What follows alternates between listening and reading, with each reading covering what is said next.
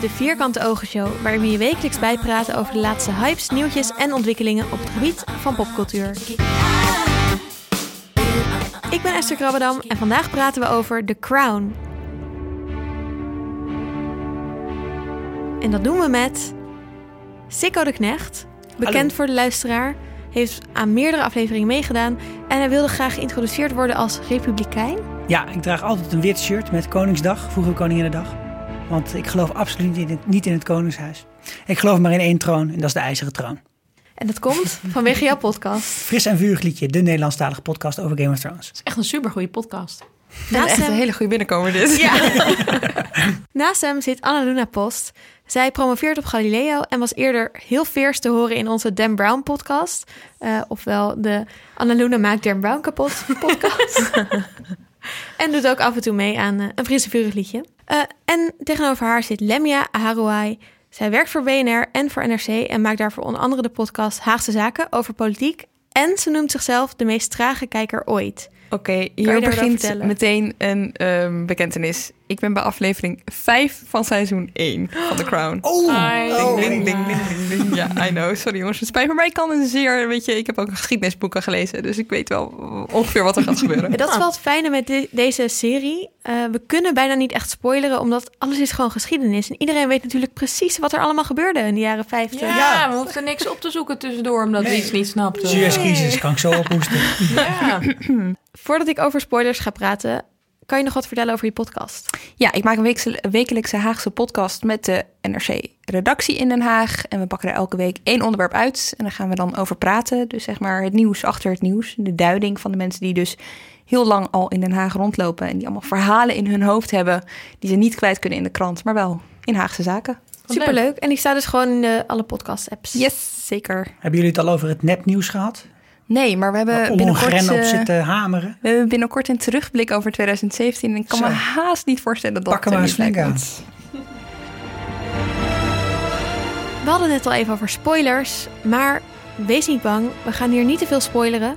Ehm, we gaan ervan uit dat je seizoen 1 wel ongeveer hebt gekeken. Maar het nieuwste seizoen staat nu eh, sinds begin december pas online. En we gaan ervan uit dat je die nog niet helemaal hebt Nou, gezien. het zijn trage afleveringen dus. Ik heb ze natuurlijk avond. allemaal al gekeken. maar niet iedereen hier aan tafel zelfs. Dus je kan gewoon rustig blijven luisteren. Eh, en ook als je nog niet alles van seizoen 1 hebt gezien, is het niet zo erg. We gaan eh, geen hele verhaallijnen uitpluizen. We gaan het gewoon hebben over waarom wij zo van The Crown houden. En ehm, daar mag Annaluna meteen beginnen met waarom zij zo fan is van The Crown. Ja, ik vind het gewoon echt een hele goede serie. En het is ook, ehm, ook best fijn om een serie te hebben die je niet zo per se in één keer uit moet bingen. Omdat het zo ontzettend spannend is. Want je weet inderdaad al wat er gaat gebeuren. Maar het zijn eigenlijk eh, bijna een soort mini-films in een aflevering. Dus elke aflevering heeft heel duidelijk een thema en een onderwerp. En een aflevering heeft vaak ook wel echt, beslaat een periode van twee jaar soms wel. En dat vind ik er heel cool aan. Dat je heel erg wordt meegezogen in het verhaal over dat koningshuis. Uh, maar dat er heel veel aandacht is, zowel voor de persoonlijke kant van die familie als voor de uh, ontwikkelingen op het wereldtoneel. Zowel in Engeland natuurlijk als breder. Het is een hele mooie mix tussen politiek en, uh, en persoonlijk leven, vind ik. Sikko, ben je het er mee Ja. eens? Zeker, kan ik wel voor een groot gedeelte bij aansluiten. Ik denk ook wat het interessant maakt, zo'n serie als deze, het is natuurlijk, je moet Britten acteren. En Brits acteren is natuurlijk ongeveer op de kleinste millimeter van je wenkbrauw laten zien waar je het allemaal wel en niet mee eens bent. En dat doen zij eigenlijk allemaal, eigenlijk alle acteurs. Ik kan niet zo snel eentje bedenken die echt slecht is, maar die allemaal zo sterk zijn in hun rollen en zo goed weten hoe ze moeten overbrengen dat ze op dat moment disgruntled zijn. Of een ander eh, adjectief wat je in het Brits hebt, wat je in Nederland niet eens hebt. Prachtig, En dat- disgruntled. Dat doen ze echt heel erg knap. En ik vind de, de, de casting fenomenaal. Het is ook leuk om, ja, dat, dat zitten mijn vrouw en ik dan te doen op de bank te kijken van, nou, hoe ziet hij in het echte uit? Hoe ziet de acteur eruit? maar die holy Christ. overeenkomsten zijn echt bizar. Ja, het lijken gewoon goed. echt alsof die mensen tot leven zijn gekomen. Ja, dat vind ik zo ja. knap. Die, die Edward, die broer van de koning. Nou, je weet niet wat je meemaakt. Maar ook Ja. mijn lievelingspersonage, Tommy. Dus die... die Tommy die, Lessels. Ja, Ja. even... Dit is niet normaal. Jullie zouden even nu moeten googlen op jullie telefoon eigenlijk. Maar hij ziet gewoon er precies hetzelfde uit Ja, als... niet doen, op, de, op, de, op de fiets niet doen, hè jongens? Nee, nee, nee. Ook niet in de auto. Ik zet wel in de show notes een foto. Heel goed. Ik zet in de, in de show notes zet ik een linkje naar een filmpje waarin ze heel veel scènes hebben ze naast originele beelden gezet. Die zijn echt heel goed, die filmpjes. En dan kan je echt zien dat het zo goed is nagemaakt. Eh Lemmy, is dat vooral de reden dat jij er eh, fan van bent? Nou, als ik het goed heb, is het de duurste Netflix-serie tot nu toe. Tenminste, er komt er nu eentje aan die is nog duurder. Maar de- tot nu toe is het de duurste. En dat kun je ook wel echt terugzien. Want ik vind Ja. de locaties waar ze zijn... Ik weet er niet heel veel vanaf, maar de kleuren, weet je wel. Het- komt allemaal zo echt over. Kleding. eh, het lijkt bijna alsof je er echt rondloopt. En dat vind ik zo knap voor dit soort series. Ja. Ja, het is echt zo mooi gemaakt. Ja, Wist je dat ze die, ehm, de trouwscène van Elizabeth en Philip hebben ze nagemaakt met de echte jurk. Niet de oorspronkelijke jurk natuurlijk, maar die hebben ze helemaal nagemaakt.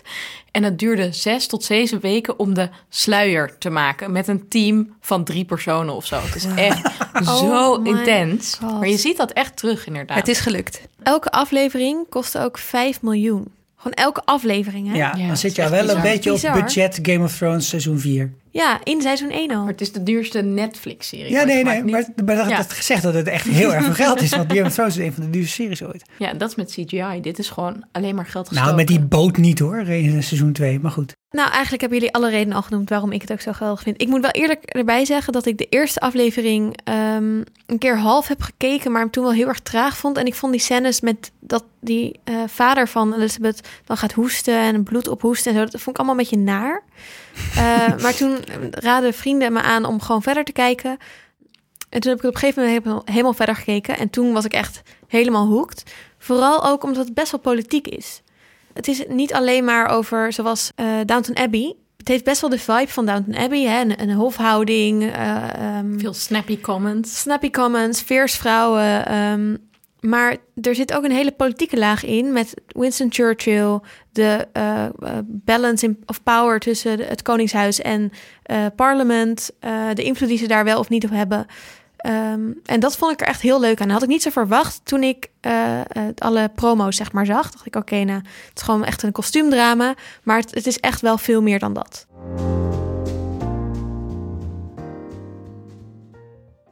Maar we kijken eigenlijk naar het moment vanaf eh, dat King George VI ziek is. En wij eigenlijk als kijker al weten dat hij binnenkort zal overlijden. En dat dus de kroon zal gaan naar zijn dochter Elizabeth. Die op dat moment eh, net getrouwd is met Philip. En aan een relatie aan het werken is eigenlijk op het moment dat ze te horen krijgt dat haar vader is overleden. Eh, en dat is eigenlijk de ja, premisse van de rest van de serie. Hoe gaat zij als jonge vrouw die op haar tiende pas hoorde dat ze überhaupt koningin ooit zou, zou worden. Hoe gaat zij dat, die zware kroon dragen? Ja, en dat is heel mooi, want er zitten een paar flashbacks in ook van de tijd dat ze er dus achter komt dat zij het gaat worden. En het mooie van deze serie vind ik dat je sommige dingen hoeven niet uitgesproken te worden. Dus je ziet dat zij naar haar vader toe loopt. eh, op een, eh, ergens aan het begin, want ja, daar zit ik. Ehm, met, een- met een brief in haar hand. En dan die vader die zit op een bank. eh, dus de King George op dat moment. En dan helpt zij hem met zijn speech, omdat hij koning wordt. En dat vind ik zo, eh, dat vind ik zo eh, interessant, want zij weet dus, je, je ziet aan haar dat dit ook wat betekent voor haar. Dit, dit betekent namelijk dat zij de eerste in lijn is om hem op te volgen. Maar het wordt nergens heel duidelijk benoemd op dat moment. En dat vind ik heel mooi aan die serie. Ja, ik denk dat er daarnaast ook nog een verhaal is over een, eh, een land, een rijk, het Britse Rijk, na de Tweede Wereldoorlog, wat toch wel gevoeglijk als een flikker had gekregen. In de, eerste, in de Tweede Wereldoorlog. Niet alleen aan het begin, maar ook aan het einde. En wat op een of andere manier moet laten zien dat dat koningshuis er voor een reden is. Of in ieder geval, dat willen ze je laten zien. En daar zie je ook gelijk al in de eerste afleveringen al wat interessante ja, dissonanties. Dat zo'n Winston Churchill besluit om helemaal op het einde eh, pas binnen te komen. Als de muziek al ingestart is. Waarin hij eigenlijk laat zien dat de politiek vindt dat hij iets belangrijker is geworden dan het Koningshuis. En verder zie je de hele tijd door, en dat gaat eigenlijk in het tweede seizoen net zo hard door. Dat men probeert te zeggen: dit Koningshuis is er, het is er voor een reden. En het grappige is dat ze ernaar op zoek zijn wat die reden nou eigenlijk echt is. Dat merkte ik heel erg veel in de hele serie door, doorlopen door alle verschillende gebeurtenissen. Want het is toch steeds een spelletje van de politiek neemt het, uh, het initiatief erover. En dan zegt ze, oké, ja, als jij denkt dat je Nasser op zijn flikker moet geven, dan moet je dat doen. En dan gaat het mis en dan is zij er toch weer even om de prime minister op zijn flikker te geven. En ook de volgende prime minister op zijn flikker te geven. Ja. Maar het blijft een constante strijd. En ook naar hun eigen koloniën of oude Ja. koloniën toe. Wat dat betreft is Groot-Brittannië echt een van de laatste grote rijken die nog over is op aarde. En zeker ook na de Tweede Wereldoorlog waren er heel veel dingen gaan schuiven in de wereld. En daar gaat ook, vind ik zelf, zelf het tweede seizoen, in, zeker in het begin, heel erg over. Maar je zit het ook al terug in bijvoorbeeld het feit dat zij voor hun honeymoon, is het volgens mij, de hele wereld even aan moeten doen. Van Kenia tot aan Australië. Want ze moeten weer even laten zien dat ze er zijn. Ja, het is natuurlijk een eh, serie over een wereld zoals er echt maar één bestaat. En eh, dat was volgens mij ook een van de aanleidings, aanleidingen om deze serie te maken. Sikko, daar had jij ook wat over opgezocht, toch? Ja, dit was een vrij berekende eh, keuze om deze serie te maken. Volgens mij hebben we eh, een verhaaltje gehoord dat in ieder geval bij de producenten bij Netflix werd gezegd: ga iets verzinnen wat de hele wereld op een of andere manier weerklank vindt. Oh ja. Nou, Amerikanen zijn helemaal lijpgek van het Britse Koningshuis. Als Britse koningshui- leden van het Koninklijk Huis trouwen, dan staat ongeveer het publieke leven stil in, eh, in Amerika. Ja. In Nederland ook hoor, want toen, eh, toen prins, eh, hoe heet het, hoe heet die jongen? William. William, hè? Toen William ging trouwen, toen heb ik dat volgens mij ook zitten kijken op mijn werk. Echt waar? Ja, zeker. Was op een groot scherm heb op ook UvA. Ja, ik hoor. Ja, ja. Ja. En natuurlijk... En dat noemt weer een republikein? Ja, ik kon even vrij nemen en een worstenbroodje in mijn bek douwen. Maar Ja, oké. verder heb je... Ik bedoel, natuurlijk, je hebt India, je hebt Canada, je hebt hele grote delen van... Er zijn zoveel delen van de wereld waar het Britse Rijk een enorme stempel heeft eh, gedrukt. En dat is toch op een of andere manier, ook al zit daar een zeer imperialistische ondertoon aan... nog steeds een reden voor mensen om te kijken naar dit soort series. Maar Annaluna, dit gaat niet alleen maar over de tijd waarin eh, Engeland een nog groter wereldrijk was dan het nu is. Nee, het idee van de serie is dat er zes seizoenen zouden komen. En elk seizoen beslaat een periode van tien jaar. Het zijn tien afleveringen, dus je zou kunnen zeggen dat elke aflevering ongeveer een jaar is. Maar bijvoorbeeld de aflevering over de Kennedys, die in seizoen 2 komt, die beslaat een periode van ongeveer anderhalf jaar. Dus dat is dan net alweer wat langer. Ehm, en er zitten ook wel wat sprongen in de tijd in. Maar het idee is dus dat er ehm 60 jaar gefilmd wordt. Dus dat we uiteindelijk echt uitkomen in onze tijd. En het idee is dat ook elke twee seizoenen de acteurs helemaal wisselen. Dus dat er een hele nieuwe cast wordt aangetrokken om dus de acteurs te spelen als ze weer een levensfase verder zijn. Ik vind dat zo stom. Echt? Ik heb daar zoveel moeite mee. Waarom moet dat nou? Ik vind het juist heel cool. Want ik vind haar, ik vind die Claire Foy echt een super coole actrice. Zij is heel goed. En ook Philip. En je bent echt wel gaan houden van de En personages. je went ook aan ze. Ja, maar ik vind het ook wel heel goed dat je niet allemaal kunstgrepen hoeft te gaan uithalen met heel veel make-up en met heel veel ehm, digitale bewerking, zodat mensen mooie rimpels hebben Heb je de film J. Edgar gezien? Waarin Nee. Leonardo DiCaprio J. Edgar Hoover speelt in zijn hele leven. Nou, op een gegeven moment wisten ze volgens mij niet meer waar ze de, waar ze de moeten plakken. Want Ja, het liep een soort ork. liep Nee maar, nee, maar voor het verhaal. Kennen jullie American Horror Story? Daar Nee. heb je dus zeg maar elk seizoen... Het is één serie, maar elk seizoen is een eigen verhaal. En dan accepteer ik het nog enigszins. Maar als het, weet je, als het één serie is met één verhaal en met verschillende mensen, dan raak ik altijd een beetje. Ja, maar ik heb wel gelezen volgens mij dat in ieder geval de, de Queen wordt eh, herkast. Er is ook al bekend wie dat gaat worden trouwens. Dat is nog niet publiek bekend, toch? Zij weten het, maar het is nog geheim. Nee, volgens mij is het wel bekend. Het is namelijk Oh. Olivia Colman. Waar kennen we die van? Ja. Die kennen we, Eh, die kennen we van The Lobster. Maar ze zit ook in Murder on the Orient Express. Oh, en wie speelt ze dan? Dat weet ik niet. Vond ik echt een leuke film. De Orient Express. Ja, Iedereen ik vond vond hem ook heel goed. Nee, ik heel vond hem heel leuk. Ja, oké, gelukkig. Maar ik dacht dat niet alle acteurs zouden worden herkast. In elk geval worden wel de grote acteurs hercast. Dus Margaret en Philip bijvoorbeeld worden ook hercast. Poeh. Is jouw pool, betekent dat dat jij daar ook moeite mee hebt of niet? Nou, ik, vind het, kn- ik zou het knap vinden als ze het echt voor elkaar krijgen... om deze allemaal op zo'n goede manier weer te casten. Maar het zijn allemaal Britse acteurs, hè? Er zijn zoveel vet goede Britse acteurs. Ja, maar op een gegeven moment heb je de hele cast van Harry Potter wel gehad, hè? Nou ja, dan heb je ook nog Downton Abbey. En Thrones. misschien zien we straks Tommy Lessels wel als Philip. Want die is net wat ouder. Tyrion Lannister, Tywin Lannister als oude Philip. Ja, zo. Dat zou super wel heel cool cool zijn.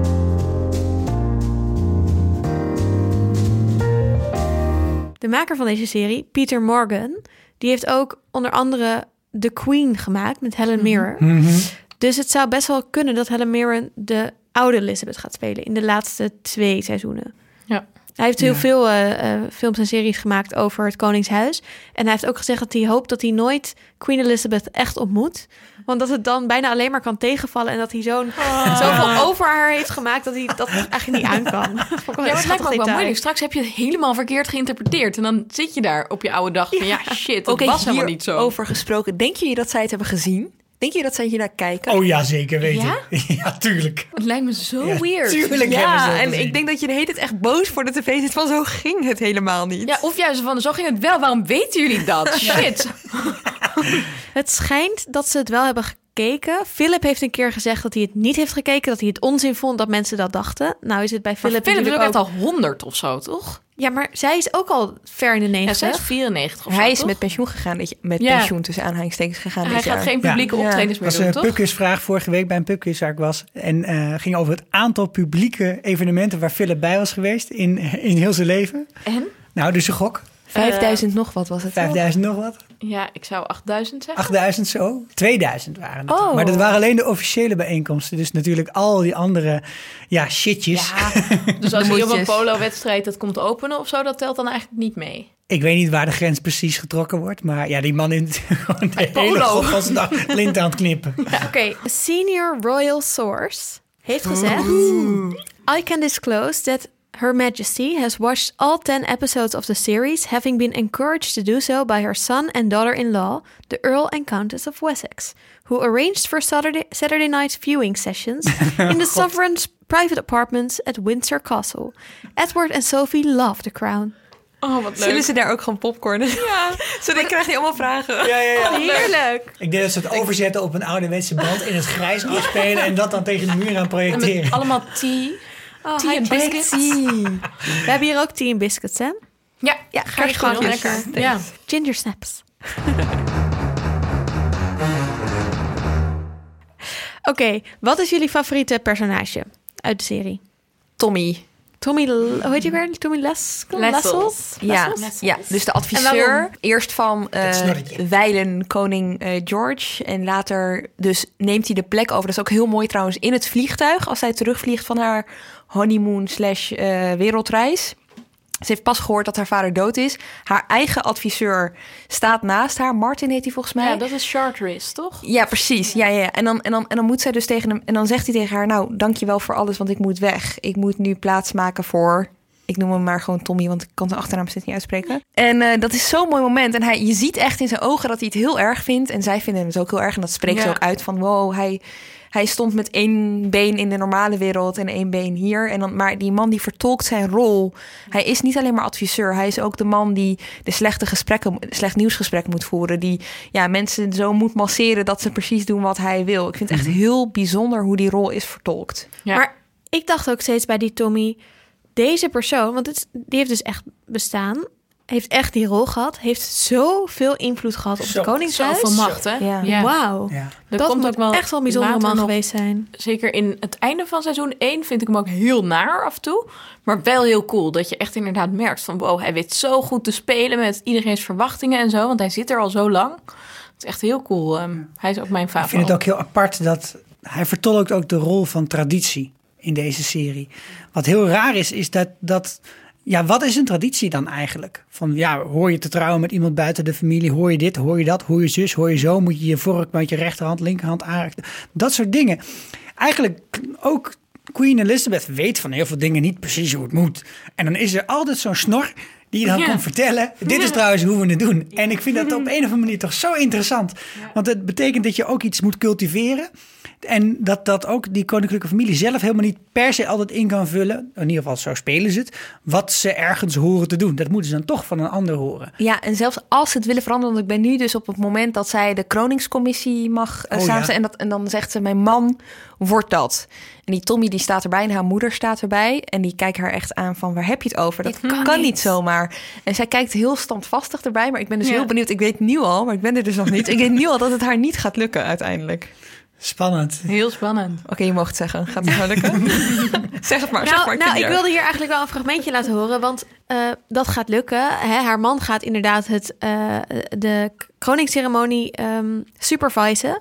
Ehm, maar dan heeft hij een gesprek met Elizabeth, wat ik heel erg vind staan voor haar eigen, of de mening die zij zelf heeft over het Koningshuis. Ze hebben dat in de kerk. Philip heeft net besloten dat uh, hij vindt dat ze de kroning moeten uitzenden op tv, live. Dus die heeft overal camera's geïnstalleerd en Elizabeth komt eens even inspecteren. Want inderdaad, Tommy uh, en Co hebben daar lucht van gekregen. En die zeggen, wat ga jij in godsnaam door jouw man hier uh, deze rol te geven... Uh, veranderen aan de, de, tradities? Dus zij gaat naar die kerk en dan heeft ze een gesprek um, met Philip... over dat uitzenden van de kroning. The people are hungry. They want something that lifts them up. And how do you propose lifting them if they cannot see it? The people look to the monarchy for something bigger than themselves, an inspiration, a higher ideal. If you put it in their homes, allow them to watch it with their dinner on their laps. Democratize it. Make them feel that they share in it. Understand it. All right. Right. Ja, dus zij ziet het als een ideaal, maar wel iets wat dus afstandelijk is. Ze vindt het op dat moment nog niet een heel prettig idee dat mensen gewoon met hun broodje uh, in hun hand op schoot op de bank haar kunnen zien. Terwijl Philip zegt: ja, maar ze moeten je juist zien en op die manier jou idealiseren. Ik vond het interessant omdat het inderdaad nog steeds natuurlijk zo is dat het Koningshuis echt veel meer een symbool is dan dat het echt heel erg praktisch. Ja, maar ik ben ook wel benieuwd naar wat voor weerklank deze beslissing heeft gehad in de, de, de wereld van de monarchie, in de hele wereld. Want dat heb je ook wel gezien tussen Wilhelmina en Juliana. Dat Juliana veel meer een koningin van het volk wilde zijn. En ook inderdaad de democratizing, wat hier genoemd wordt door Philip. Toch meer naar de mensen toe wilde gaan. En dat is waar je natuurlijk een eeuw geleden niet had kunnen bedenken. Dat, uh, dat je de koning een hand mocht geven. Of uh, dat je met z'n allen op een heel groot plein met alleen een drangje ertussen. Zo. Dat, dat is toch wel veranderd op heel veel plaatsen. Behalve natuurlijk met beveiligingsissues en dat soort shit. Maar er is ook wel echt een tijd geweest in Nederland dat het voor me veel closer was. Ja. Ik bedoel, welke koning gaat er in vredesnaam koeken happen? Of een selfie maken met de koning. Ja, ja. Op de fiets, ja. ja. Ik vind het ook wel grappig dat in retro-perspectief heeft Philip dus meegeholpen aan dat de media echt bovenop dat koningshuis zitten. Waar ja. hij zelf later heel veel last van heeft. Als hij daardoor heel erg beperkt wordt in wat hij kan doen. Ja. Dat hij overal gevolgd wordt. En daarover gesproken, dat vond ik ook heel bijzonder om te zien. Hè? Dus dan was haar vader dood. Zij was op dat moment in Kenia, als ik me niet vergis. En die fotografen hadden een soort respect. Dus ze wilden heel graag foto's maken, maar ze zeiden ook tegen elkaar... ze remden elkaar ook af met oké, nu even niet. Weet je wel, laat haar gewoon eventjes. Vond ik zo bijzonder om te zien. Dat kun je je nu gewoon helemaal niet nee, meer voorstellen. Niet meer, nee. nee. nee helaas.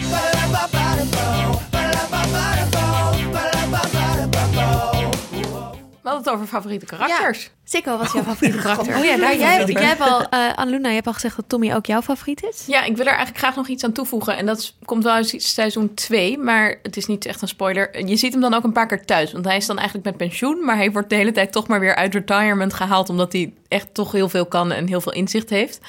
Um, en dan zie je hem een paar keer thuis en dan heeft hij ook allemaal van die van die stomme oorlogs um, ja. dingen die Frank Underwood ook heeft. En dat vind ik zo fantastisch. Dat het zo'n, het is zo'n mannetje met allemaal van die stomme medailles op zijn borst. En dan zit hij daar thuis een beetje met zo'n zo'n bord met allemaal van die poppetjes, zo'n oorlogsscène na te spelen. En dan zegt Elizabeth ook van, oh, so it's Waterloo. En dan, nee, it's bla bla bla. En dan weet ik niet welke battle scene dat is. Maar het is fantastisch. En ook dat hij op een gegeven moment op de bank zit met twee van die hele grote honden naast hem, die ook zo'n heel borstelige snor hebben. Het is echt precies dat een baasje altijd op zijn honden lijkt en andersom. Wat ook een heel typerend is in die scène, is dat Elizabeth dan twee poppetjes oppakt. Ja. En dan een beetje zo kijkt naar die poppetjes van oké, en die zet ze dan weer gewoon random ergens terug.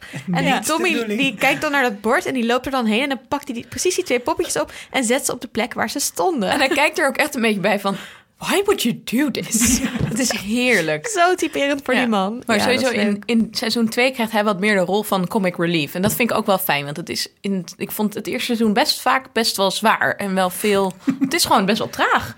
En ik vond dat in seizoen 2 wat... Uh, gaat het eigenlijk wat sneller, heb ik het gevoel. Ja, dat klopt wel. Dus misschien ook de moderniteit die hier ineens de hoek komt kijken. Nou, dat kan. Zal het? Ja. Nou, ze hebben ook wel wat meer met flashbacks in, in het tweede seizoen. Um, en met, uh, de, je leert echt wel wat meer over de achtergrond van, uh, van bepaalde karakters die, of personages die eerder in de serie nog niet uh, zo rond waren misschien. Ja.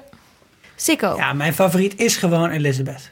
Ja? Ja, ja ik vind dat Claire Foy geweldig acteert. Echt een hele goede Vind rol. ik ook zo goed. Zij is ook natuurlijk de koningin, maar ook wel echt een hele interessante in dit hele spel. Veel morele dilemma's, de manier waarop zij ja, toch steeds gedwongen wordt om een keuze te maken waar ze helemaal geen zin in heeft, is heel erg leuk om naar te kijken.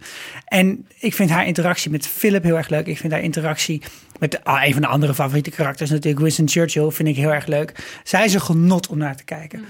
En wat ik voor de life of me niet ga begrijpen, is dat een man en een vrouw in aparte bedden in aparte slaapkamers slapen. Maar ook dat, bij haar klopt dat op een of andere manier. Ja, was met House of Cards toen ook zo. Ja, ook maar dat had wel duidelijk een ja, reden. Ja, ja.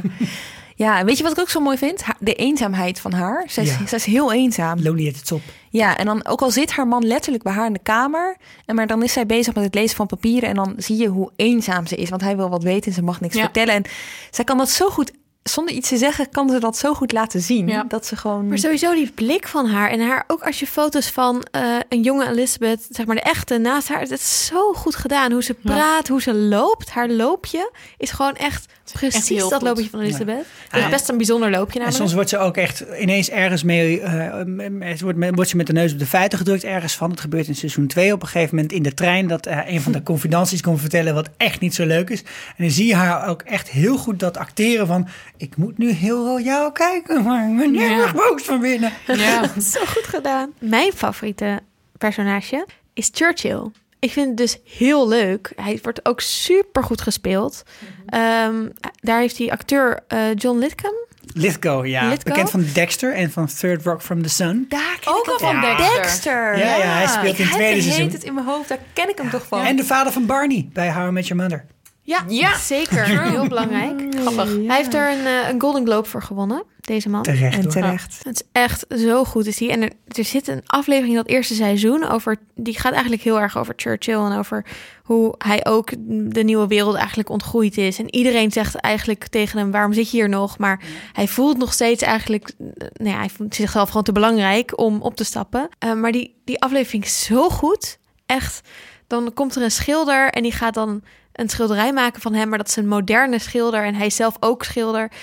En de gesprekken die zij voeren, het is echt zo goed gedaan. En ik vind het heel jammer dat, nou ja, we weten in de geschiedenis, Churchill is niet eeuwig president eh, of minister-president, eh, prime minister. En ik vind het heel jammer dat hij op een gegeven moment daardoor eh, niet meer zoveel voor- voorkomt in Ja. de serie. Ja, ik vind haar, haar gesprekken met hem, vooral aan het begin, als zij pas koning is. En het is niet alleen nieuw voor haar, het is ook nieuw voor hem. Want hij was natuurlijk die koning gewend en dat was een beetje, die waren helemaal op elkaar ingespeeld. Ja, was ook een, een oorlogsheld, waren ze allebei. Ja, precies. En dan ergens aan het begin en dan zegt zij... Je merkt bij haar heel erg dat ze haar grens wil zetten. ze- eh, eh, zetten. En dat zegt ze ook gewoon van ik moet hier eh, een, een line...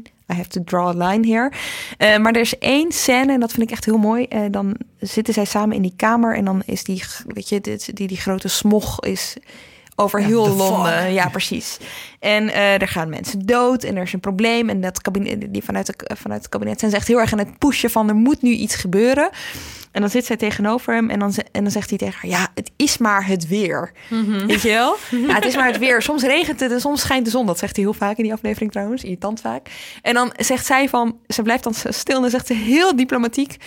Ik had gehoopt op een iets wetenschappelijker antwoord. Ja. Vind ik zo mooi, weet je wel? Die wisselwerking tussen die twee, Ja. daar zijn ze echt nog aan het zoeken. Ik ben heel benieuwd hoe dat zich later ontvouwt. Weather permitting. Indeed. What is the latest information that you have? About the weather? It's fog, ma'am. It will lift eventually. I was hoping for something more scientific. Then I will ensure that a barometric report is included in your box tomorrow, complete with isobars and isohumes. It has been an unusually cold winter, and there are only so many things that I, as Prime Minister, am prepared to inflict on your subjects as a reward for winning a world war and prevailing over fascism, evil, and tyranny. Letting them freeze is not one of them. You do not seem unduly concerned. I'm not.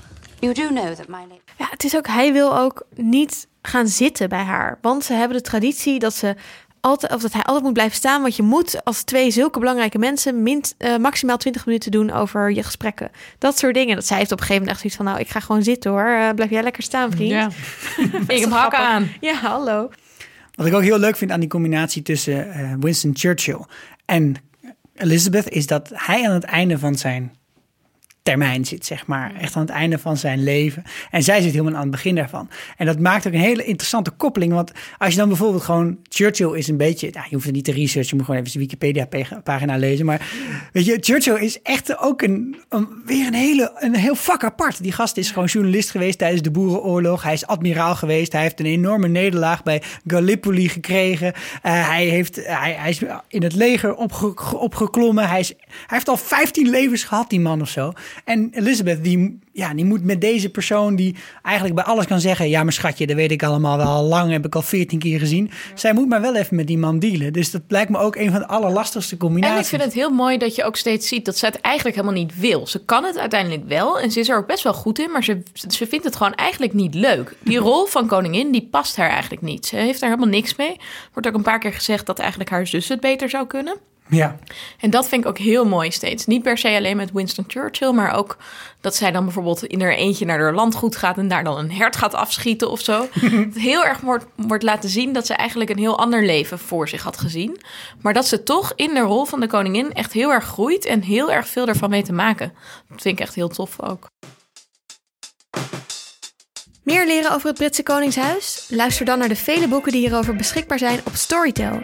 Dat is een app waarmee je naar duizenden luisterboeken kunt luisteren. Speciaal voor luisteraars van de Vierkante Ogen Show hebben ze een actie waarmee je de app een maand lang gratis kunt uitproberen. Daarvoor ga je naar www.storytel.nl slash vierkante ogen. Luister dan bijvoorbeeld naar de herziene uitgave van Diana Her Own Story. Dat is een boek uit 1992 waar Diana zelf aan meewerkte en dat recent is herschreven op basis van een nieuwe blik op haar nalatenschap.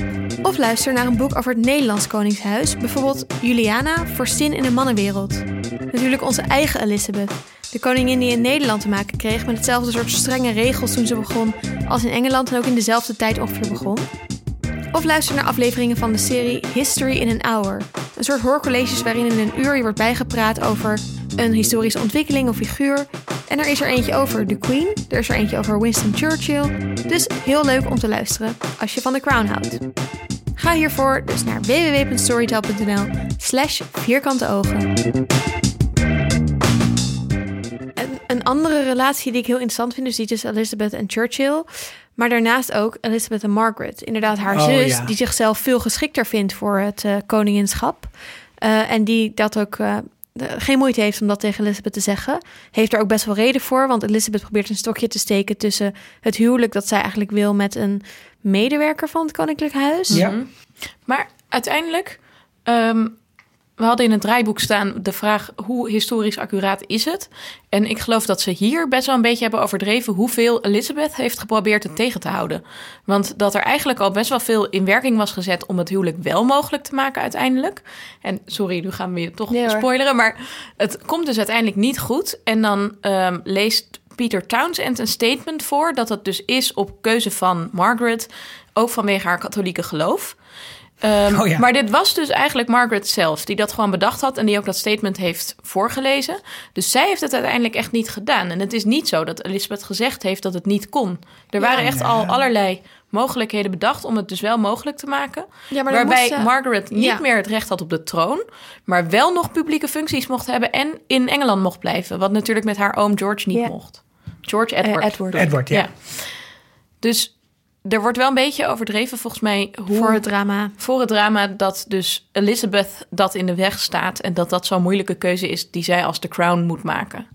Ja, een mooi fragmentje hier wel voor. Sikko, jij hebt dat aangedragen. Is eh, als zij er heel erg mee zit en dan haar oom belt, die Ja. dus verbannen is uit Engeland eigenlijk. eh, om, om advies te vragen over wat ze nou moet doen in deze situatie. We are half people, ripped from the pages of some bizarre mythology that two sides within us, human and crown, engaged in a, a fearful civil war which never ends. and which blights our every human transaction as as brother, husband, Sister, wife, mother. I understand the agony you feel, and I am here to tell you it will never leave you. I will always be half king. My tragedy is that I have no kingdom. You have it. And you must protect it.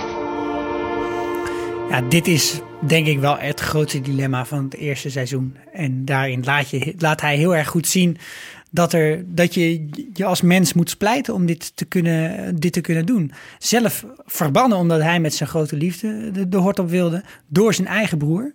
En heeft zijn broer er altijd om verguisd en gezegd dat het een, een onmens was, et cetera. Laat hij ook elke keer weer opnieuw blijken. Maar nu zijn nichtje voor exact dezelfde keuze staat als zijn broer, maakt hij ook dezelfde keuze. En waarom denk je dat, ehm, dat koning George daar zo heftig op reageert? Op, op dat zijn broer dus besluit om de liefde te kiezen boven de kroon. Ja, Omdat hij zelf Omdat hij het dan doen. zelf hij had er doen. geen zin in. Hij hè? wilde het niet. Hij, hij, was, hij stotterde, hij was nooit gegroomd om dat te worden. Maar ik denk dus ook dat het ehm, iets hogers is. En dat als dus degene die geboren is om het koninkrijk te leiden... ehm, de kroon laat schieten voor de liefde, voor zijn persoonlijke leven... dat het een heel slecht voorbeeld geeft. Ja. Dus dat het ook is dat ehm, je in die positie altijd moet kiezen voor de kroon. Want als jij het niet doet, dan kun je ook niet verwachten van je onderdanen... dat zij zo'n soort Nee, dat is waar. beslissing Maar hier is, maken. de, is de zaak wel andersom. Want Elizabeth was eerst geborene. En Edward was Mhm. Ja, eerst ja, zeker. dus die, daar zit dan een kleine, een kleine omdraai. Je zou kunnen zeggen, Margaret wordt toch nooit koningin. Dus later lekker. Maar ik heb nog wel een fragmentje ook over die keus. And while you mourn your father, you must also mourn someone else Elizabeth Mountbatten. For she has now been replaced by another person, Elizabeth Regina. The two Elizabeths will frequently be in conflict with one another. The fact is, the crown must win. Eh, misschien kunnen we het nog even hebben over de relatie, de andere belangrijke relatie in deze serie, namelijk die tussen Elizabeth en Philip, haar man. Ah, Die wordt ook namelijk door de, eh, het feit dat zij opeens koningin wordt, veel eerder dan ze met z'n twee hadden verwacht. Ik bedoel, ze wisten wel dat zij op een gegeven moment koningin zou worden, maar niet eh, in haar twintiger jaren al. nee. Ehm, die relatie veranderde Philip, daar best wel voor. Ja, dat was echt wel te vroeg voor Philip. Want Philip was al wel even benoemd als eh, Duke of eh, Edinburgh. Edinburgh? Ja, ja, in Schotland, dames en heren. Maar hij komt van een heel erg eh, laag geslacht. Dat komt nog een paar keer terug. De Mountbattens, ja, ze zijn wel aardig in, het, in de Navy, zeg maar. In de marine zijn ze wel aardig hoog opgeklommen. Maar het is een of ander raar geslacht wat uit met het Griekse koningshuizen iets te maken heeft of zo. En Nou, hij is geadopteerd. hij is geadopteerd door. natie, Ja. ja. Hij komt uit, uit een natiefamilie en om dus in Engeland te komen en met Elizabeth te trouwen, moet hij zich aansluiten bij die Britse familie, bij de Mountbattens. Ja. Dus Dus daar is hij door geadopteerd. ja, hij is niet eens zelf daarin geboren. Dus het Nee. is nog erger. Ja, precies. Dus hij is een natie Wat en zijn ouders zijn ook al van laag Ja. komaf. Dus Ja. wat- waarom gaat dit in vredesnaam? En dan is de verwachting waarschijnlijk van... nou, hij gaat gewoon een aantal jaar hele goede dingen doen. Hij gaat heel goed vliegen en zo. Of heel goed in boten varen. En dan uiteindelijk zijn we allemaal trots op hem. Maar dan gaat het toch een beetje sneller dan gedacht. Ja, en hij zegt dat ook aan het begin. Hè? Vooral als op een gegeven moment wordt zijn achternaam, dus mogen zijn kinderen niet zijn achternaam krijgen. En hij moet ook nog eens eh, verhuizen naar dat stomme Buckingham Palace. In plaats van dat ze in Clarence House mogen Ja. blijven wonen, volgens mij het zo. En dan, dan spreekt hij het ook uit. Dan zegt hij van ja, ben ik nou de enige man in heel Groot-Brittannië die niet zijn naam kan doorgeven aan zijn kinderen.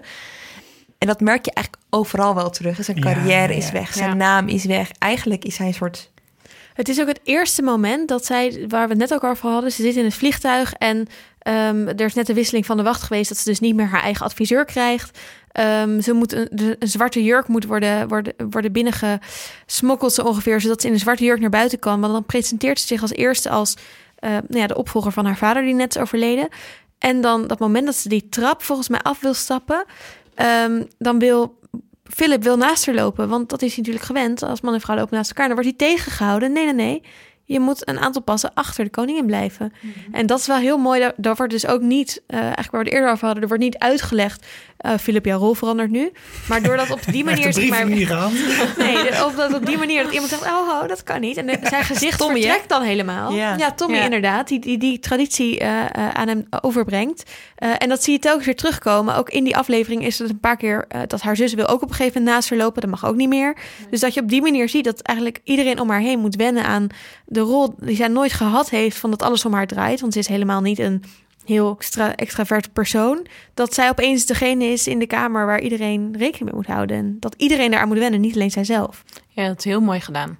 Ik erger me wel echt heel vaak aan Philip. Ik ook. Ik vind hem Grow heel goed als acteur. up. Ja, grow a pair. Echt, Ja. gast. Stel je niet zo aan. Per nog wel. waarom, waarom, waarom? Nou, ehm, omdat hij het zich allemaal zo persoonlijk aantrekt. Terwijl het uiteindelijk zo niet persoonlijk is. En het is natuurlijk heel moeilijk omdat het wel je persoonlijke leven is. Maar het is niet zo dat Elizabeth hem probeert te kleineren... doordat hij drie eh, stappen achter haar moet lopen. En dat vind ik heel irritant dat dat steeds zo'n zo'n factor van spanning blijft. Ik kan me heel goed voorstellen dat je geen zin hebt... van die publieke bijeenkomsten of zo, maar dat je je zo aanstelt en zo uiteindelijk ook hecht aan titels. Want dat, ehm, Ja. ja. dat, dat blijkt Dat- toch echt wel dat hij heel veel waarde hecht toch aan die gebruiken. Als ze maar op hemzelf slaan. Dus hij is gewoon best wel egoïstisch. Terwijl zij dat totaal niet is. En dat vind ik heel frustrerend in die relatie. Hoezo neemt ze hem dat allemaal kwalijk? Of neemt hij haar dat inderdaad allemaal kwalijk? Nou, dit is zo grappig. Hier zou je dus een feministische discussie van kunnen maken. Want vrouwen van, die zijn dat gewend. Die Ja. nemen dat allemaal klakkeloos aan en die passen zich meteen aan. Over het algemeen. En zo'n man heeft er dus toch heel erg, sikko, Ja.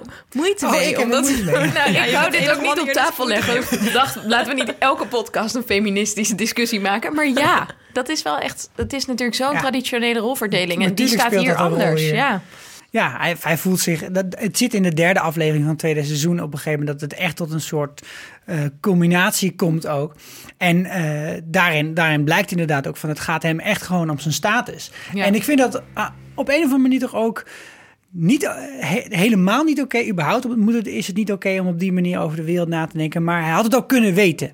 Want het wordt hem namelijk ook gewoon verteld in de aflevering waarin hij met de vader van Elizabeth in een bootje zit. ja. Ja, daar heb ik een fragmentje van. the titles, the dukedom, they're not the job. Sir. She is the job. She is the essence of your duty. Loving her, protecting her. Of course, you'll miss your career. But doing this for her, doing this for me, would be no greater act of patriotism. Nee, maar het is ook gewoon heel ehm, kinderachtig, vind ik. Je weet waar je aan begint als je trouwt met de erfgenaam. Ik bedoel, je hebt ook Nou. alle geweldige dingen daarvan. Weet je waar je aan begint? Ja, denk je, kun je, Nou kun je dat Ja. ooit, kun je, ben je er klaar voor? Kun je dat ooit echt zijn? Dit is het niet. waar John Newbank over ging. Nee, Dit is zo mooi. Oh, dit bedoelde ze. Dat bedoelde hij, ja. Alle Ja, puzzelstukjes, ik hoor ze De W van. Willem. Oh, wacht. Oké, maar de mening van Elizabeth hierover, die komt ook op een gegeven moment naar buiten. Dat is eigenlijk hetzelfde als waar we het net over hadden, dat ze aan het praten zijn over haar eh, kroning. Eh, en dan gaat het erover dat zij vindt, ja, ze doet de concessie dat het mag worden uitgezonden op tv, maar dan wil ze daarvoor terug dat hij voor haar knielt. You won't be kneeling to me. That's not how it will look. That's not how it will feel. It will feel like a eunuch. An amoeba is kneeling before his wife. You'll be kneeling before God and the crown, as we all do. I don't see you kneeling before anyone. I'm not kneeling because I'm already flattened under the weight of this thing. Oh, spare me the false humility. It doesn't look like that to me. How does it look to you? It Looks to me like you're enjoying it. It's released an unattractive sense of authority and entitlement that I have never seen before. And in you, it's released a weakness, an insecurity I've never seen before. Are you my wife or my queen? I'm both. I want to be married to my wife. I am both, and a strong man will be able to kneel to I will both. not kneel before my wife. Your wife is not asking you to. But my queen commands me. Yes. I beg you make an exception for me. Zijn blik daar is echt priceless. Ja, het is echt heel goed gedaan. Het is eh, een eh, strong man knows how to bend the knee, right? Ja. Ben de freaking me. ja. Kijken of dit ook de Jon Snow eh ehm Daenerys relatie gaat worden in het volgende seizoen, of niet? Ja, dat zou leuk zijn. And from there, he goes to the South Shetland Islands. Then he goes on to the Falkland Islands, and then goes all the way up here to Ascension Island. Now, all these are British overseas territories, and they have to be visited every once in a while so they don't feel neglected or forgotten. They don't get any silly ideas like becoming independent. Right, brush your teeth? Yes. Good. Ja, dit is natuurlijk echt een hele interessante illustratie van hoe het Britse Koningshuis erin staat. Of in ieder geval hoe zij dat presenteren als dat ze erin staan. Maar er wordt hier een beetje gezegd van, ja, dan heb je die territoria en uh, daar moeten we af en toe heen. En anders dan gaan ze zich een beetje uh, voelen alsof er geen aandacht ideeën. meer krijgen. Ik krijg een gek idee. Dan denk ik zo, dit is toch ook echt de wereld letterlijk op zijn kop. Want dit zijn landen die er niet voor hebben gekozen om door een, een buitenland overheerst te worden. En dan gaan we daar en dan zijn ze blij dat ze een koningshuis hebben. Waarom? Het is beyond me, maar blijkbaar zijn ze er blij mee. En op het moment dat ze dan eisen dat ze ook daarvan dan op een of andere manier de rug te plukken, ook in de wat meer ceremoniële zin, dan ga je erover doen alsof het stel almechtige kinderen zijn. Ja. Ongelooflijk. Ja, het is heel bizar. Ik vond in seizoen 1 ook, heb je een heel raar eh, fragment. Dat is volgens mij als ze op huwelijksreis zijn in Kenia. En dan komen, komen ze bij eh, een groep mensen. De koning ehm, van een stam, denk ik. Het wordt eigenlijk niet echt uitgelegd. Maar Philip zegt dan tegen de leider daarvan... That's a nice hat. En dan kijkt Elizabeth gelukkig wel echt heel erg geschokt. En dan zegt ze, it's a crown, Philip. En het is zo duidelijk dat, dat hij daar een ontzettende eh, misstap begaat eigenlijk. Maar het laat, eh, het, hij heeft het nooit echt gezegd. Ehm, dit is ook weer een van die historical inconsistencies. Maar het staat wel symbool voor wat hij allemaal wel voor rare dingen heeft gezegd. op er zijn staatsbezoeken en zo. Leuke, leuke tumblers over wat Philip wat allemaal Philip allemaal voor gekke shit zegt. Maar het, is, het, ge- het getuigt van zo'n bizar ehm, imperialistische kijk inderdaad. En van zo'n ehm disdain Ja, het is ronduit arrogant. Het is echt, Zeker ja. als jij op eh, dat in het tweede seizoen zit ook een wat grotere rondreis die zij beschrijft in dit, eh, in dit fragment. Dat hij naar allerlei plekken gaat. Je doet toch godverdomme wel een boek open voordat je naar de Seychelles gaat. Ben je Ja. nou helemaal belaattafeld? Ja, hoe durf je het om je in je hoofd te halen om binnen te komen en gewoon niet te weten met wie je te maken hebt? Als je dan toch al het hele volk en land aan jou onderwerpt, mag wel dan even toch op een of andere manier daar een beetje erkenning voor.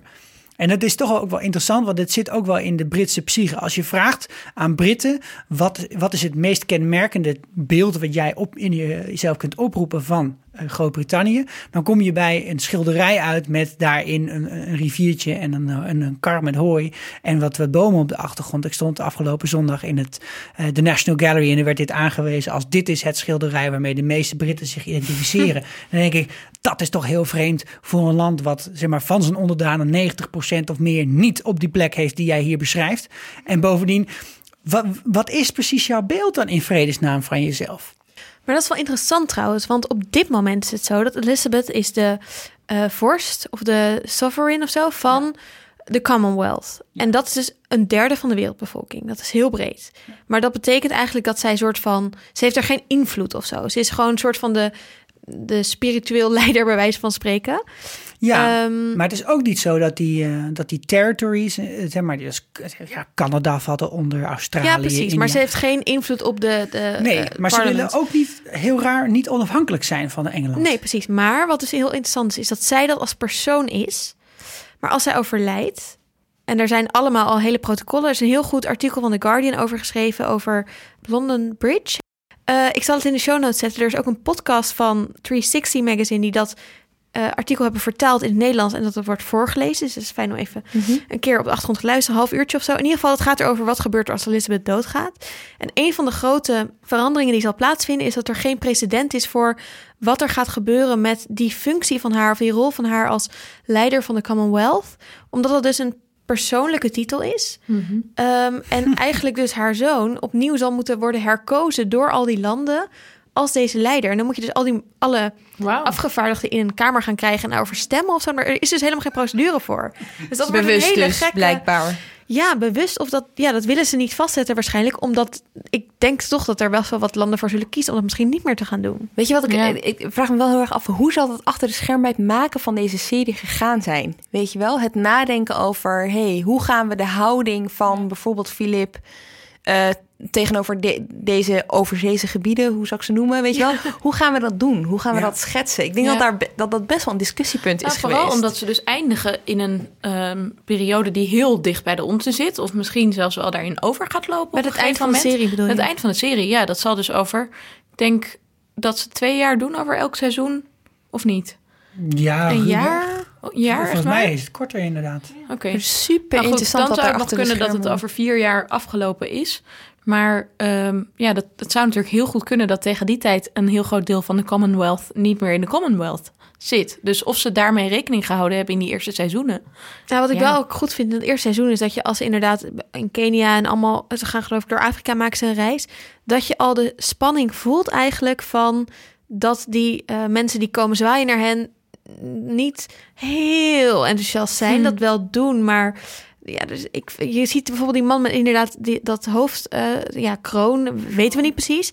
Eh, die zie je later nog een keer eh, haar auto geloof ik nakijken, ook met zo'n blik van, daar gaan ze weer. En Ja. Good riddance. ja, precies. En dat, ze bouwen daar wel natuurlijk al een beetje naartoe. In het tweede seizoen gaat het daar ook meer over. Ehm, ik ben wel benieuwd, waar kijken we naar uit? Als er inderdaad nog vier seizoenen komen... die nog een periode van 40 jaar gaan bespannen. Bijvoorbeeld de opstanden eh, op de Falkland Islands. Ja, die had ik ook op mijn lijstje staan. Ja, en, en eh, grappig genoeg, dit is ook weer zo'n ding. Ik was dan in het eh, Imperial War Museum afgelopen weekend. En dan denk je, nou, even kijken hoe de Britten dan deze hè, grote gebeurtenissen die er aan gaan komen en die er zijn geweest, hoe die die, die in kaart brengen. Heel opvallend, de wereldoorlogen, die zijn daar wel gerepresenteerd. Valt ook heel erg op trouwens dat het echt wereldoorlogen waren. Oorlogen op plaatsen waarvan ik niet eens wist dat ze bestonden. Waar de Britten hun eigen onderdanen hebben laten vechten voor hun. Maar bijvoorbeeld ook trouwens in de buurt van de Falkland Islands in de Tweede Wereldoorlog. Maar daarna bijvoorbeeld zo'n Suez-crisis, die zit in het tweede seizoen. Er is niet één bordje in het hele Imperial War Museum. Geen één. Bizar. En er zijn wel wat andere dingen die wel uitgelicht worden. Eh, zeg maar naoorlogse conflicten. Dus de Falklands zijn vrij groot. Maar ik denk dat zij daar toch eh, met deze serie een bepaalde rol gaan spelen. die ze misschien nog niet helemaal hebben, eh, hebben gevoeld of nog niet hebben ingeschat. Want je, je herinnert een, een land, een rijk, aan een collectieve geschiedenis van meer dan 50 jaar lang. Van dingen die ook op heel plaats, denk ik, verdrongen zijn. Ja. Oeh, Ik ben heel erg benieuwd naar Brexit. Eigenlijk wel heel erg actueel. ja. Ook om de reden, want ik zat net even stiekem te googlen terwijl jullie aan het praten waren. Ik kon me herinneren dat het Brits Koningshuis, eh, de Sun had op een gegeven moment zo'n beetje geïnsinueerd dat de koningin, de, dat Queen Elizabeth, dus voor een Brexit zou zijn. En toen heeft het Britse eh, Koningshuis ook echt een klacht ingediend tegen de Sun. Ik weet niet hoe dit is afgelopen, maar ik ben heel benieuwd hoe dit soort zaken. Kijk, het Brexit is natuurlijk, we merken het nu nog steeds, het is natuurlijk van een enorme omvang. We hebben geen idee hoe dit af gaat lopen. Maar hoe is dat voor zo'n koningshuis? Dat je een hele persoonlijke politieke mening hebt. Ik weet niet of ze voor of tegen zou zijn. Ja. En je weet, ik kan hier helemaal niks aan doen. Nee, dat, lijkt me wordt ook ergens in seizoen 2 gezegd. Zo van, want de queen, niet over de brexit natuurlijk, maar Nee. want de queen mag niet ehm, involved zijn in such a thing as dirty politics. Ja. Het is heel fijn dat steeds wordt gezegd, de koningin moet daar boven staan. Ja, maar bij Maar dat brengt natuurlijk dingen, heel veel ja. dilemma's met zich mee. Tuurlijk. En, Ja, maar ook de bovenstaan natuurlijk wel met een bepaald uitgangspunt. ja, en dat kan ook Namelijk niet dat ik helemaal. de soeverein ben van deze... ja, In dat het is artikel, een heel gekke eh, ehm, rol. In dat artikel over de, eh, of de gevolgen van de dood van Elizabeth gaat het ook over dat waarschijnlijk voor het Brexit-kamp haar overlijden heel erg positief zou zijn. Omdat eh, een heel conservatisme van Engelse superioriteit daarmee ook weer zal opleven. Omdat je dan allemaal verhalen, nou ja, dat dat nationalisme heel erg zal worden aangewakkerd. En dat het dus ook op welk moment dat gebeurt, eh, eh, impact kan hebben op bijvoorbeeld als het midden in Brexit-onderhandelingen gebeurt. Of als het, nou ja, dat dat dus een, een, zijn weerslag kan hebben op de politiek. Ik kijk ehm, heel erg uit naar Margaret Thatcher ook. Oh ja. Ik ben heel benieuwd hoe dat gaat worden als ze voor het eerst een female prime minister heeft om mee te eh, overleggen en onderhandelen. Ja. Ja, dus ik goeie. kan me voorstellen dat dat echt heel spannend wordt. En Lady Di. Ja, Ja. ook dat. En daar heeft hij natuurlijk al een film over gemaakt. Ja. Maar Oh, dat is wel heel interessant om, ja, daar gaat de eh, Queen natuurlijk zien. over. Hè? Over de manier waarop het Britse Koningshuis er dan mee omgaat. Ja, dus misschien slaat hij het over en wordt dat een soort van tussenfilm. Zoals Rogue One. Hier wel niet. Ja, ik had laatst ook eh de Iron Lady gezien over Margaret Thatcher. En dat vond ik ook heel interessant, want ik wist veel minder over die periode. Maar ik kan me heel goed voorstellen dat het gespeeld gaat worden door iemand als Meryl Streep. En dat het echt heel erg goed tv gaat opleveren. Lijkt me heel leuk. Oh ja, dat is inderdaad echt een interessant. Ja, ik zit echt in de actuele... Ik, het huwelijk van William en Kate bijvoorbeeld. Daar Ja. ben ik ook heel benieuwd naar. en weet nu je wel. Harry en eh, Meghan. Ja, Gescheiden vrouw. Nou, we weten allemaal met Ja. de gescheiden... eh, hoe heet Oh, die ja. nou? Van Margaret... eh, Peter Townsend. ja, Oh, en Camilla natuurlijk. Charles en Camilla. Ja. Oh god, ja. Ja, Wauw. dat wordt echt heel spannend. Ik wil jouw tampon zijn. Oh, kan Ik heb ook heel veel zin in de Beatles en de Rolling Stones. Om maar even over die tampon Ja? te praten. Ja. Gebeurt van alles in mijn hoofd nu. Was, eh, weten we daar iets van? Was Elizabeth fan van de Beatles? Ik heb geen flauw idee. Het, komt, zit dus niet. Jij hebt seizoen 2 al afgekeken, dus het zit daar nou van niet meer in. Nee, daar zit Oké. het niet meer in. Nou, spannend. Het zal, ik hoop dat het aan het begin komt. Ik vond dat we- bijvoorbeeld in Mad Men heel grappig. Dat er Ja. op een gegeven moment zo'n referentie naar is. Ja, krijgen we nog een Korea-oorlog? In seizoen 2? Ja? Eh, nee, volgens mij niet. Nee. Dat zou ik ook wel interessant Nee, vinden. maar er zit wel veel eh, internationale politiek in Nou, er 2. zitten er zijn natuurlijk heel veel dingen gebeurd, zeker in de jaren 50, 60, die niet echt per se onderdeel uitmaken van eh, het geschiedenisonderwijs dat wij Nee. krijgen. En daar zijn allemaal, ja, de Berlin Airlift en allerlei, maar dat soort dingen, die, die ja, gewoon geen idee.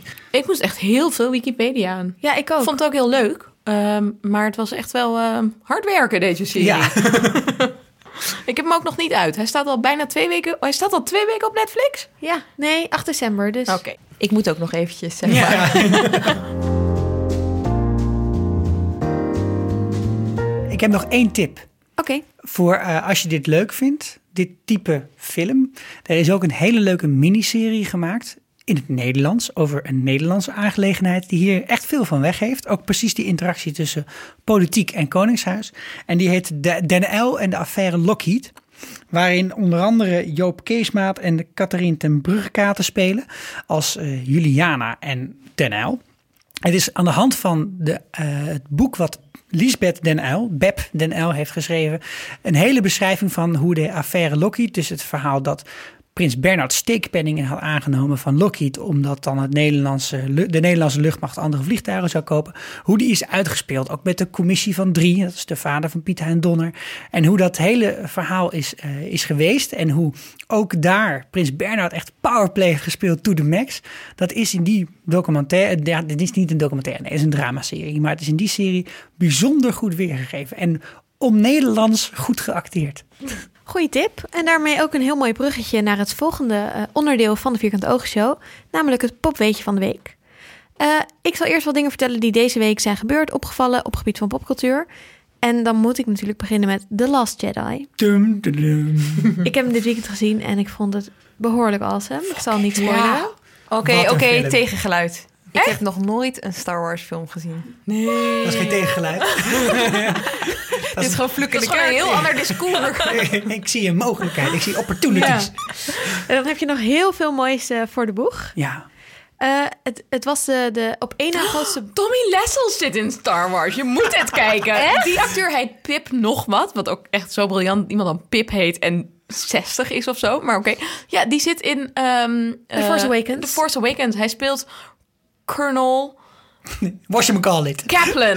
Kaplan is het. Admiral Kaplan, volgens mij. Nee. Colonel Kaplan. Oh, kijk, kijk, dit is, het ligt heel gevoelig in de Oké. wereld van Star Wars. People were Eh, demoted. wat ik er nog over wilde zeggen was dat, de, dat het de op één na grootste box-opening ooit was. Met 220 miljoen dollar na The Force Awakens. Tering. Ja. Ja. Hij was veel beter. Ja, vond je hem beter dan Ik vond Force hem Awakens? geweldig, ja. Ik vond hem niet beter dan The Force Awakens. Wauw. Oké, hem volgende wel podcast. echt- Maar ja. shou- shout-out naar Dan Hassler Forrest, want die had een ongelofelijke goede review erover geschreven. Inderdaad. In de LA Review of Books. Ja, dat is een tip. Als je hem kijkt, Oh. de film, lees dan zeker die review. Want daar vertelt hij echt heel goed wat er met het verhaal van Star Wars is En gebeurd. luister ook even de podcast. Want dan hoor je allemaal leuke theorieën... die je film echt veel spannender maken... maar niet altijd hout snijden. Dat ook Hey. grappig is. Sorry. Ja, nee, dus waar. We hebben vorige week, de vorige aflevering gaat over Star Wars. Dus luister die vooral lekker terug. Eh, volgend goed nieuws. Eh, Netflix heeft de release datum bekendgemaakt waarop Friends eindelijk op Nederlandse Netflix komt. En dat is 1 januari, dus je kan op eh, nieuwjaarsdag lekker Zo. brak Friends gaan Nee. kijken. Kijk ik echt naar uit. Ja, ik ook. Ja. Eh, en Netflix heeft ook bekendgemaakt dat er een tweede seizoen komt van Jessica Jones. Dat komt uit op 8 maart, dus dat is nog even. Maar er is wel al een trailer van. En dan wil ik afsluiten met dat eh, ik, toen ik naar The Last Jedi ging, de trailer heb gezien van de Black Panther. Die had ik al. Ik had er al een trailer van gezien, maar de trailer die ze in de bios tonen. Wow, wat vet. Holy Christ, ja. Oh my god, dit wordt echt. Wat is dit? Ja. Het is een Marvel film. Ja. Ehm, in een beetje de- het Avengers eh, eh, theme over de Black Panther. En het is echt, het zag er zo gaaf uit, zo mooi gemaakt. Ook in met special effects en weet ik wat. Ik eh, kan Ja, niet. ja, daar is een referentie aan de Black Panther movement. Oké. Dan eh, ben ik benieuwd naar jullie eh, eh, tips aan de luisteraars. Lemja, wil je beginnen? Ja, is goed. Family Ghosts. Want we zitten, we zitten nu bij een po- podcast. Dus als je klaar bent met luisteren hierop... en je hebt je ook al geabonneerd op Haagse Zaken... ga dan op zoek naar Family Ghosts. Geweldige podcast. Het is dus eigenlijk, we kennen het allemaal wel... er zit altijd wel iemand in de familie... over wie weinig wordt gesproken... of over wie juist heel veel wordt gesproken... zonder dat je diegene zelf kan spreken... en die altijd een soort schaduw werpt over alles wat er gebeurt in de familie. Ik zie je allemaal knikken, want jullie kennen allemaal zo iemand. Ja, tuurlijk. Geweldig. Deze man gaat dus op zoek naar die mensen en waarom zij zoveel invloed hebben. Er is één aflevering die ik je kan aanraden, die heb ik vast geluisterd. Ik zit er midden in, middenin. En dat is over, er gaat een opa dood en eh, een van zijn kinderen neemt het lichaam mee. En daarna is het lichaam verdwenen. Niemand Hè? weet waar die ligt. En het probleem is, Weird. tante Sue, die is zelf ook dood. Dus ze kan ze ook niet meer vertellen waar die ligt. en ze gaan die dus op zoek. Ja, precies. Het is geweldig. Het is echt heel mooi. Hoe heet, die, Zeker. hoe heet die aflevering? Ehm, het is de derde aflevering, als ik me niet vergis. Oh, ik heb echt zin om dit in de kerstvakantie te gaan luisteren. Annaluna, jouw tip. Ehm, ja, ik zag eh, allemaal dingen voorbij komen op Facebook en Twitter over een nieuw Harry Potter chapter. En ik was super excited. Alleen het was eigenlijk niet echt zo, want het was eh, een, een, eh, met een voorspelbaar toet, een voorspellend toetsenbord, niet een voorspelbaar toetsenbord, eh, waarbij dus een computer op basis van zinsconstructies die veel voorkomen in het werk van een auteur gaat voorspellen hoe eh, een nieuwe tekst eruit zou kunnen zien. en het is dan ook gedaan in samenwerking met mensen, want de computer zelf ehm, doet dat dan nog niet helemaal goed, of misschien juist wel te goed. In elk geval hebben dus mensen ook allemaal suggesties gedaan voor zinnen die ze er dan uitkregen. En vanuit de mooiste zinnen daarvan is eh, een chapter gemaakt. Ehm, dat, ik geloof, Harry Potter and the Handsome One heet of zo. Ehm, in elk geval, ik heb het even doorgebladerd. Het is heel grappig. Het, het slaat echt helemaal nergens op. Dus eh, Ron gaat allemaal spinnen opvreten. En eh, er gaan twee Death doen. Eaters met elkaar eh, zoenen. En het is echt allemaal heel bizar. Maar wel best wel grappig. Wat een interessant experiment is. Wat Ja. gebeurt er als er... Het is heel grappig. Maar volgens mij wordt het dus extra raar... omdat computers en mensen gaan samenwerken. Dus als je het alleen een computer zou laten doen... wordt het volgens mij veel beter. Want er staan echt dingen in die je niet kan bedenken... ook als computer, die heel raar zijn. En ook heel veel woorden die bijvoorbeeld helemaal niet zoveel voorkomen... in J.K. Rowling's werk. Ja, ik heb een paar zinnen. To Harry, Ron was a loud, slow and soft bird. Harry did not like to think about birds. Ja, het gaat gewoon echt niet zo vaak over vogels in Harry Potter. Nee, er zijn ook heel veel zinnen over zoenen. Er wordt ook echt niet veel gezoend in Harry Potter. Maar Dus als het- het gebeurt, is het wel nat. En de legendarische dat zoen. nog? De legendarische zoen tussen Ron en... Oh, ik dacht, eh, nou, Ja, nat. als Ja. hij met, eh, met eh, Jenny Cho, eh, Cho Chang. Cho Chang zingt, zoent, dan, dan is het nat. Nat. Deze Ja. was ook echt heel mooi. The pig of Hufflepuff pulsed like a large bullfrog. Dumbledore, Dumbledore smiled at it and placed his hand on his head.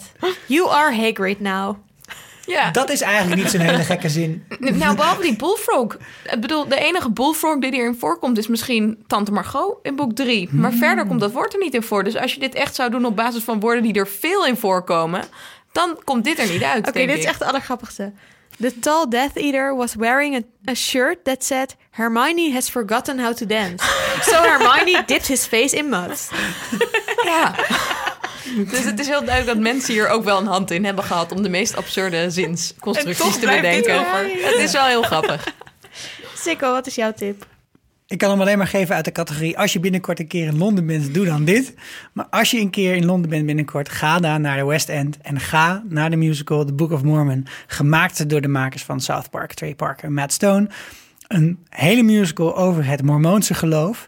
en over twee jongens die worden uitgezonden op missie naar Oeganda. En het is zo vet. Ik heb hier al best wel veel van gehoord, want ik hou heel erg van musicals. En hij heeft heel veel Tonys gewonnen. Alle. En, ja, het, het is echt een goede soundtrack. Die kan je gewoon luisteren op Ja, Spotify. je kunt hem gewoon luisteren op Spotify. Ga, dit is zo eentje actief luisteren, dames en heren, want je, je ligt echt helemaal dubbel. Het was echt een feest.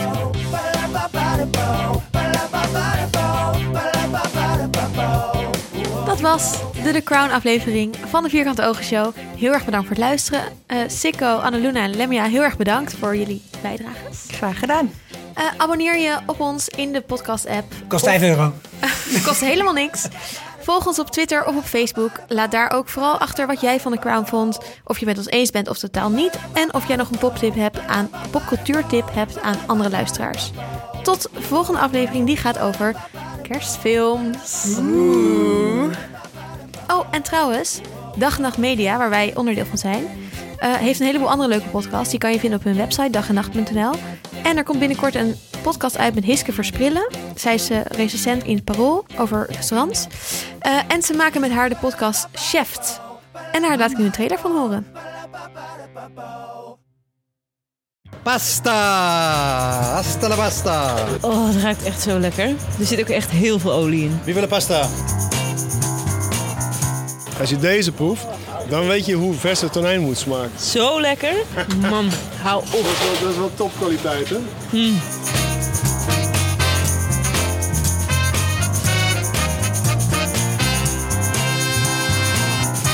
Welkom bij Chef. Ik ben Hiske Versprillen. In deze super lekkere podcast ga ik uitgebreid in gesprek met de beste en meest invloedrijke Amsterdamse chefkoks. Oeh, dat is lekker. Ik kijk ze op de vingers, til deksels van pannen. Crap, dat is echt heel lekker. Trek koelkasten open en vraag ze het hemd van het lijf. Want hoe meer je weet, hoe meer je proeft. Ik spreek met Joris Beidendijk van Restaurant Rijks. Ik, ik verklap nu al, al mijn geheimen natuurlijk, maar dat is niet erg. Nou, vertel het aan niemand. En, nee. Leonardo Pacenti van Café Toscanini. Het is gewoon zo simpel ehm, dat alles perfect moet zijn. En dat is met, eigenlijk met alle pasta gerechten. Er worden zo weinig ingrediënten gebruikt. Dus als er iets niet goed is, proef je dat gelijk. Guillaume de Beer en Freek van Noordwijk van Breda en Guts Glory. Waar ik gewoon heel erg van hou is eten waarvan gewoon het water in de mond loopt van de zoute zuren van de umami's. Ik hou gewoon van die, als je deze kop trekt bij je eten. Oh, dat is gewoon denken. Oh. Sydney Schutte van Libreie Susje. Tegenwoordig op tv wordt heel erg geromantiseerd, zeg maar, dat hele vak. Dus de- alsof we allemaal zoals Jamie Oliver een, een limoen over een salade heen uit staan te knijpen zo. Maar in het echt is dat toch wel iets heel anders. Dat is gewoon, eh, ja, gewoon rammen. Maar ook met John Halvemaan, Yvette van Boven, Luc Kusters en Michiel van der Eerde. Die andijvie is waanzinnig. God, wat lekker. Dus luister de komende weken naar Chef en leer alle Amsterdamse topkoks kennen. Vergeet je niet te abonneren op iTunes of luister de podcast op dagennacht.nl. En voor meer over Chef, kijk op chef.amsterdam.